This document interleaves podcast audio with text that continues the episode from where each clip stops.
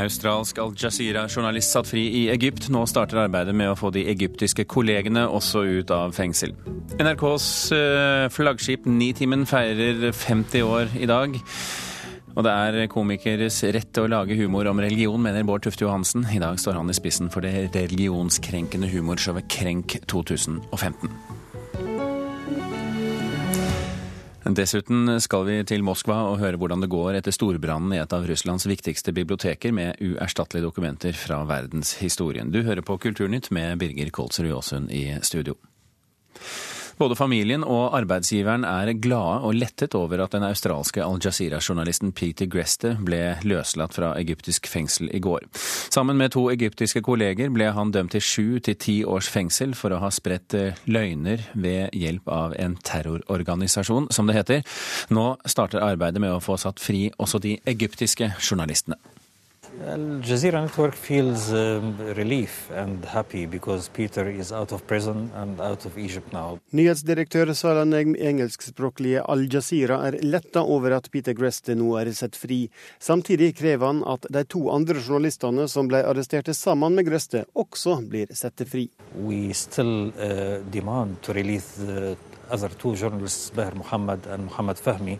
And dropped the charges against seven other journalists of Al Jazeera who have been sentenced in absentia for 10 years each on the charges that the Egyptian court found unworthy, and they asked for retrial now. Peter Greste, egyptisk-kanadiske Mohammed Fahmi og egyptiske Boer Mohammed ble arresterte i desember 2013 pga. dekninga deres av hvordan styresmaktene slo ned på protestene etter at militæret hadde avsett president Mohammed Morsi. Styresmaktene mente journalistene var et talerør for den muslimske brorskapen, og dømte dem til fengsel i sju til ti år. Straffene har vekt sterke internasjonale reaksjoner, og kan ha vært medvirkende til at Greste nå er satt fri. Men nå krever nyhetsdirektør Negm likebehandling også for de egyptiske journalistene. Between uh, journalists and Egyptian journalists in their treatment. And I think that people who are arrested or tried from Al Jazeera English should be released immediately. The, the charges should be dropped, their names should be cleared, because they were just journalists doing their job. I natt møtte familien til Greste pressa i Australia. Mora Louise Greste var overvelda over nyhetene. I'm ecstatic. You know, I just can't say, you know, how happy I am about it all. I'm very excited and and pleased and thank goodness this is all over. Andrew Greste sa at de hadde snakka med den frigivne broren, som sa han ville holde fram og kjempe for å få satt kollegaene fri.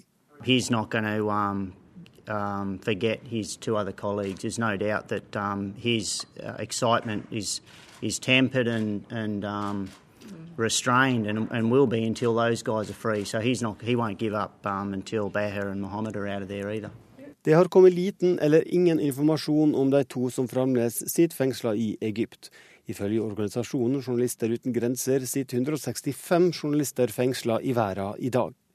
16 av disse er fengsla i Egypt. Juris Greste, faren til Peter Greste, sier han håper flere snart skal få oppleve det de nå har fått oppleve. While Peter is foremost in our mind, uh, let it be known that we think about them still every moment uh, of the day and, uh, and expect that they will be able to have a jubilant moment like this very, very soon. Ja, vi er glad for vår sønn, men vi tenker hele tiden på alle de journalistene som ikke er sluppet fri, sa faren til den løslatte Peter Grest. Og reporter her, det var Espen Alnes.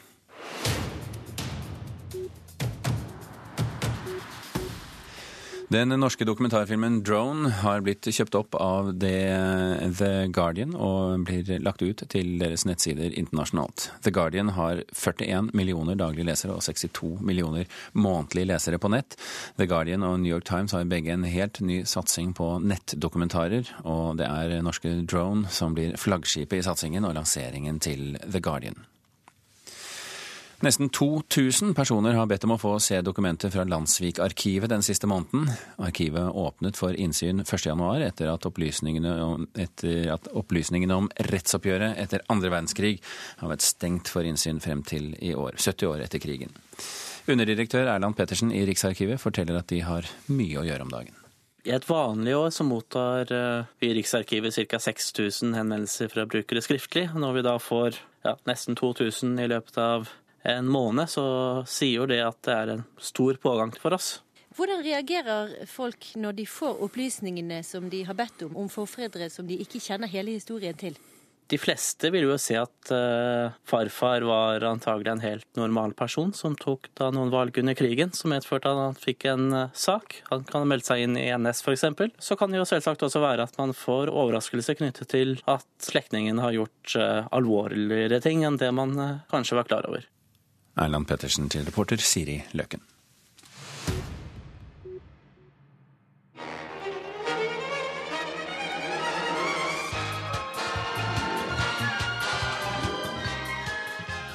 Nei, du har ikke sett feil på klokken, samtidig som du uvitende har skrudd over på P1. Men i dag klokken 09.03, da feirer vi her i NRK at Nitimen har vært på lufta i 50 år. Vi skulle selvfølgelig gjerne gitt deg en smakebit av hvordan Nitimen hørtes ut i 1965, men vi har simpelthen ingen opptak fra den gang. Det vi derimot har, eller nærmere det kollega Trond Sot Ryen har gjort, er å snakke med en av de første programlederne i Nitimen, Toto Osvold.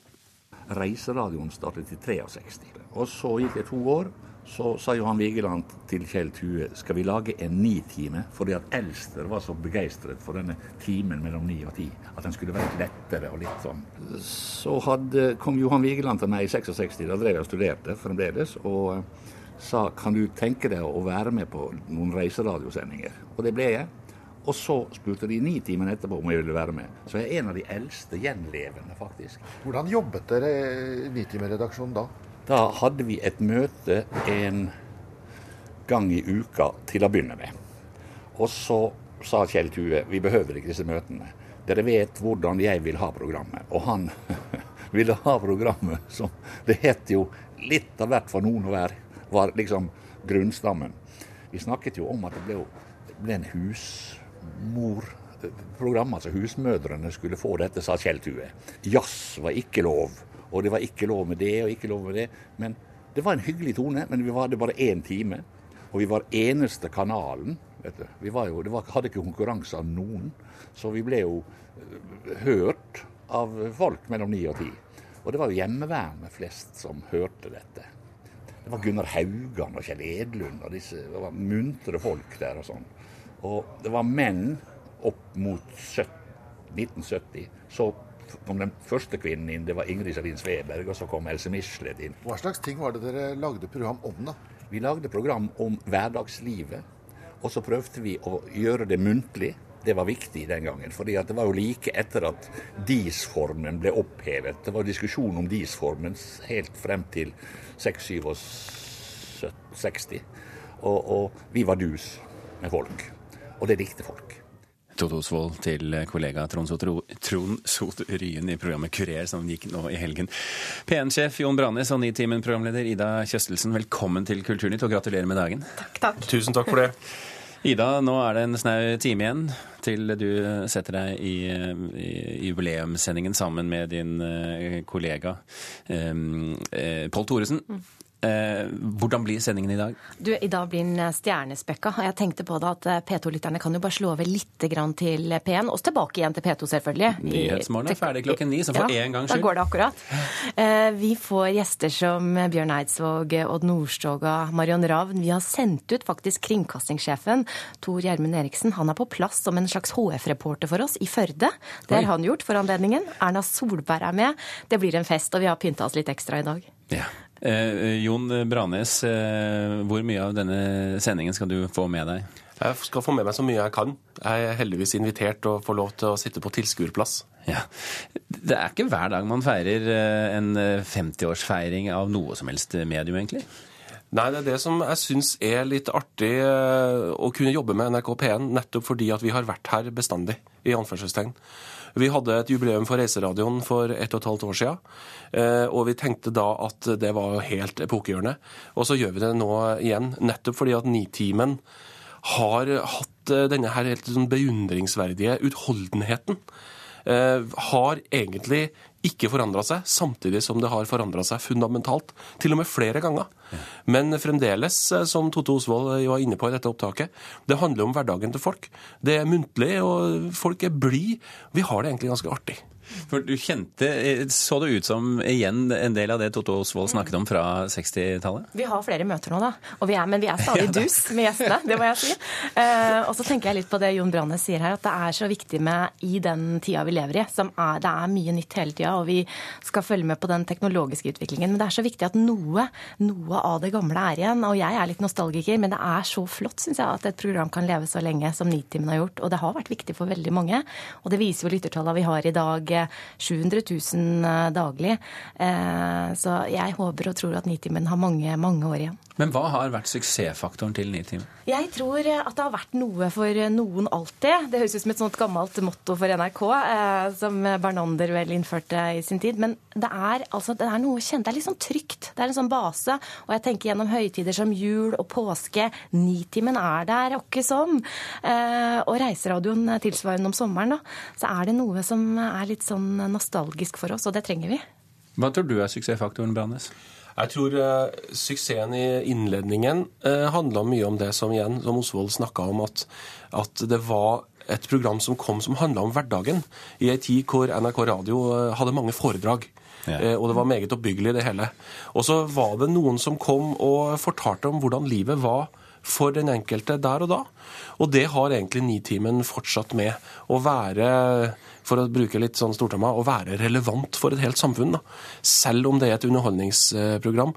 Jeg sitter med NRK-plakaten foran meg. Ja. Og I artikkel 1A eh, på, I NRK-plakaten, som jo da er Stortingets eh, oppdrag til oss, står det at NRKs samlede allmennkringkastingstilbud skal ha som formål å oppfylle demokratiske, sosiale og kulturelle behov i samfunnet. Og det er behov for program som Nitimen. Og Nitimen har jo også danna skole for nesten alt du hører på, eh, på radio, iallfall eh, i mange av kanalene, mm. eh, den dag i dag. Ida, du er jo da sammen med Pål Thoresen i, i, dag eh, den heldige, får vi si, som skal Eh, som skal være vert for dette programmet, dette 50-årsprogrammet. Eh, hvordan kjenner du det? Eh, kjenner at det er litt mer sånn høytid i dag. Vi har skrevet litt på morgenen og sagt at motto for dagen er 'Je suis Kjell Tue'.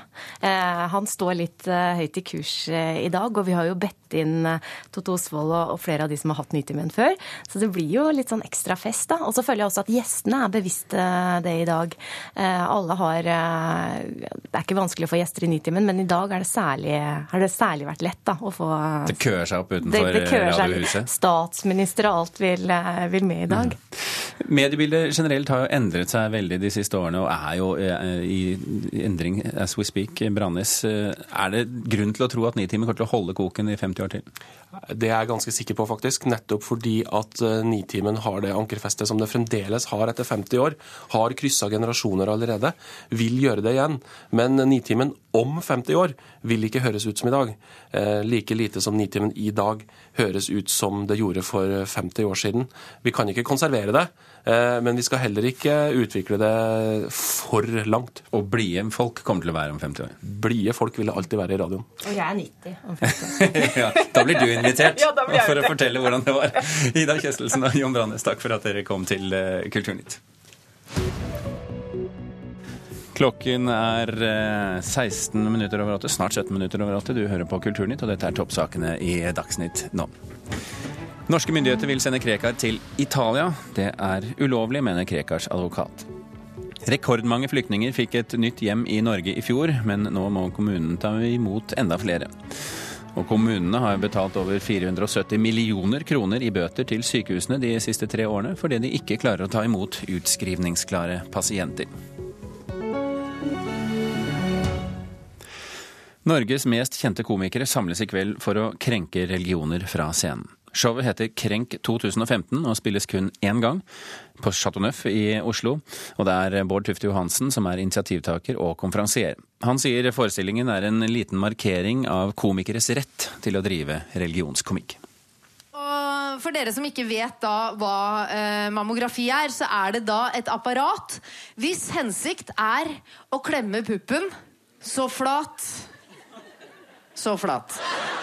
Norsk standup, ofte kritisert for å være plump og banal, med kroppshumor og pinlige situasjoner som gjengangere. Men det er ikke bare komikernes skyld. Norske komikere er jo et produkt av sitt publikum. Sier komiker Harald Eia. Fordi det norske publikum er, til forskjell f.eks. For av det engelske eller amerikanske, ikke så glad i at man fornærmer andre. Så hvis du skal overleve som komiker i Norge, så tilpasser du deg eh, ditt publikums smak, og da blir du en hyggeligere, vennligere, koseligere, søtere person enn eh, det man er i USA og England. Men i kveld får han muligheten til å gjøre noe med det. På Chateau Neuf skal nemlig Norges humorelite forsøke å flytte grensen for hva det er mulig å få publikum til å le av.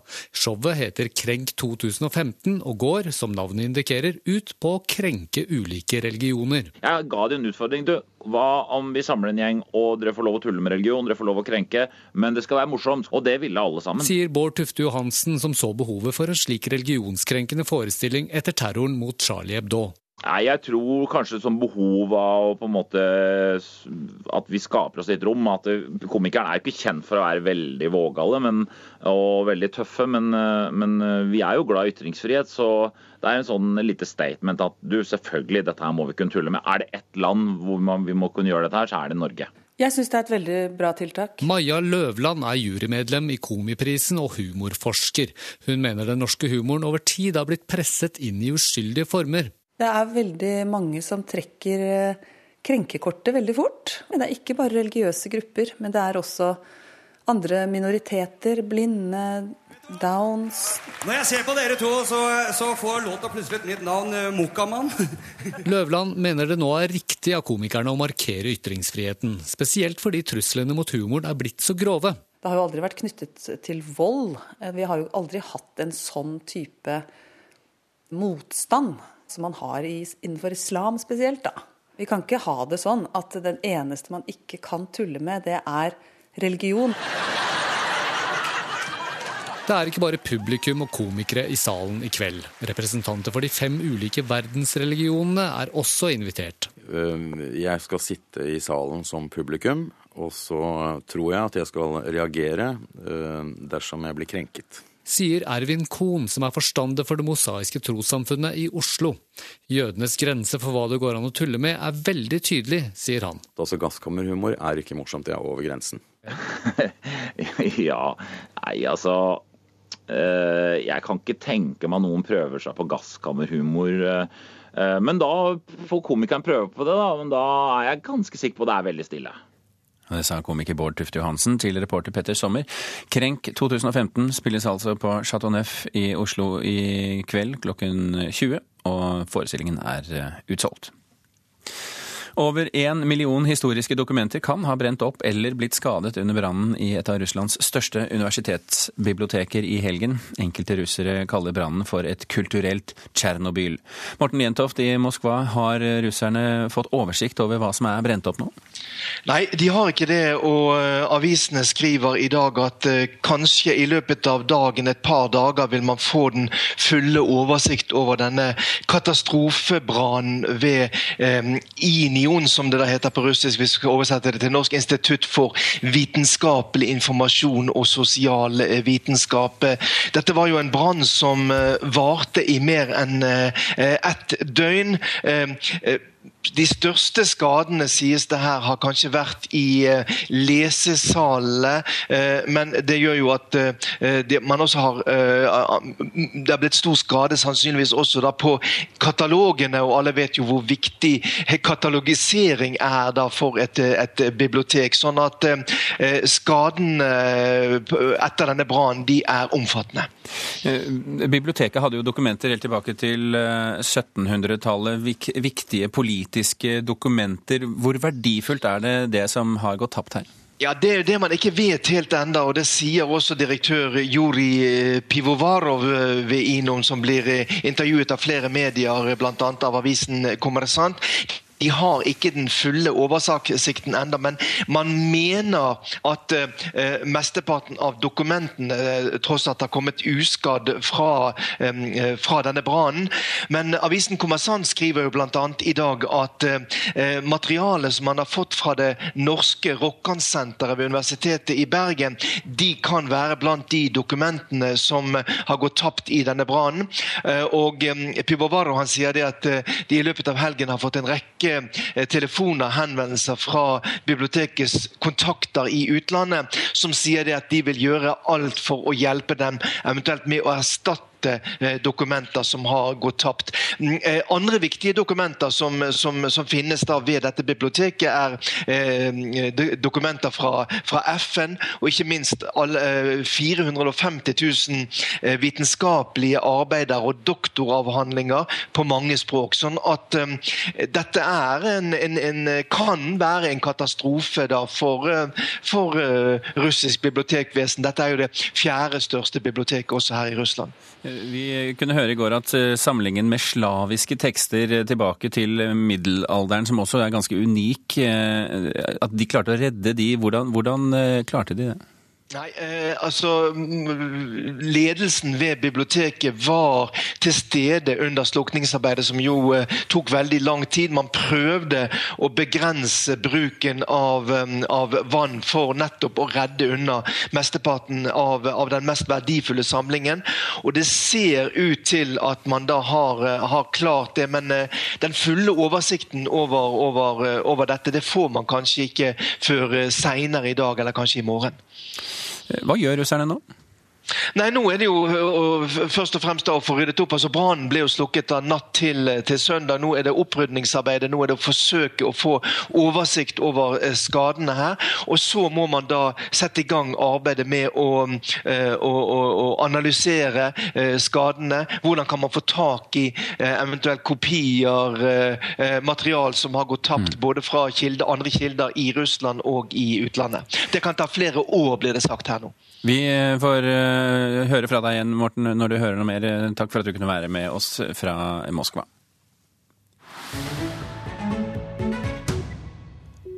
Teorien om at flere universer kan eksistere parallelt samtidig, det er utgangspunktet for teaterstykket 'Konstellasjoner' av den britiske dramatikeren Nick Payne, som hadde norgespremiere på Malersalen på Nationaltheatret i helgen. La oss si at vårt univers er det eneste som finnes. Så det er bare en eneste deg, og det er en eneste meg. Hvis det var sant, så ville det jo bare finnes ett valg. Men hvis alle mulige fremtider eksisterer, så må jo de valgene vi tar eller ikke tar, avgjøre hvilke av de mulige fremtidene vi faktisk kommer til å oppleve. Ja, Karen Frøsland Nystøl, kritiker her i NRK. Er du god på astrofysikk? Det er kanskje ikke mitt sterkeste felt, men jeg syns det var veldig interessant å se et teaterstykke som hadde disse elementene i seg. Eh, dette er jo to skuespillere som er med i dette stykket. Eh, hvordan tar det seg ut? Først har jeg lyst til å fortelle litt om eh, handlinga. Det er to skuespillere, Erland Bakker og Ågot Senstad. De møtes, eh, de blir et par, eh, de to karakterene som de spiller. Og vi, vi følger de gjennom utroskap, sykdom, kanskje død. En slags sånn parhistorie, kjærlighetshistorie, livshistorie. Eh, scenene spilles flere ganger, eh, med små variasjoner. Ulike utfall er veldig tett på hverandre spilt. Og eh, etter hvert som eh, disse scenene, like scener, nesten like scener, den de der de møter hverandre på en grillfest f.eks., spilles kanskje fem, seks, sju ganger, bare med små variasjoner, så sitter du etter hvert med en, en opplevelse av at sånn kunne det òg ha vært.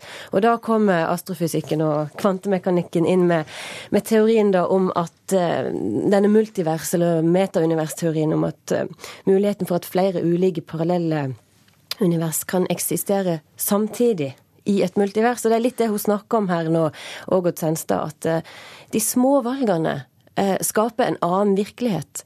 Og etter hvert så blir stykket en eh, Det er et stykke om alle mulighetene om hvordan det kunne ha vært. Det er faktisk veldig interessant. Og, og du bra. klarer å holde oversikten? Ja, ja, det gjør man. For det er bare små detaljer som endres hele veien. Men det er enormt interessant. Og styrken i dette stykket er at det kun er to skuespillere. Det er kun denne parkonstellasjonen det handler om. For da kan man, kan man gå inn i det og å eh, være i det mye mer. Og det er klart det er sikkert utfordrende å bare være to i løpet av et stykke. Som enkelte kanskje så på Dagsrevyen forrige uke, så er det altså kunstneren Ida Ekblad som er valgt ut til å være scenograf og kostymedesigner i, i denne forestillingen. Hennes eh, første. Eh, er det et vellykket eh, grep? Ja, det syns jeg absolutt det er. Ida Ekblad har denne gangen lagd store installasjoner, tre store porter og andre skulpturelle elementer rundt i rommet. Og det er med på å skape en slags utenomjordisk stemning, nesten. Det er med på å underliggjøre, det er med på å bygge under denne tanken om at at hva om vi hadde gjort det istedenfor det? Eh, dette med at ting kan være så annerledes bare med små valg som gjøres annerledes. Og musikken til Gaute Tønder bygger òg opp om dette, dette litt kosmiske, de, de, store spørsmålene som trekkes inn i den lille hverdagen til karakterene Marianne og Roland. Men dette krever vel også en del av regissøren her, forespeiler jeg meg? Ja, jeg tror det krever mye av regissør. Jeg tror òg det krever mye av de to skuespillerne, eh, som må vende kjapt. Alle scenene og sceneskift skjer med et knips, og det er store endringer både i stemning og i, i hva scenene handler om. Og det, det, skjer utrolig raskt. Så det krever en god regissør. Det har de òg hatt i Per Perez Øyhånd, og det krever òg gode skuespillere, og det har de ikke minst i det Og det har blitt et godt stykke generelt også, forstår jeg? Ja, det har det blitt. Det anbefales. anbefales. Utmerket utmerket. Karen Frøsland Nystel, takk for at du kom og snakket om konstellasjoner her i Kulturnytt. Kulturnytt er slutt. I dag har vi fortalt at den australske Al-Jazeera-journalisten Peter Greste er satt fri etter 400 dager i fengsel, og at arbeidet nå med å få hans to egyptiske kolleger ut av fengsel, det starter. Hans Ole Hummelvold, Thomas Halvarstein Ove og Birger Kålsrud Aasund takker for følget. Nå fortsetter Nyhetsmorgen her på P2.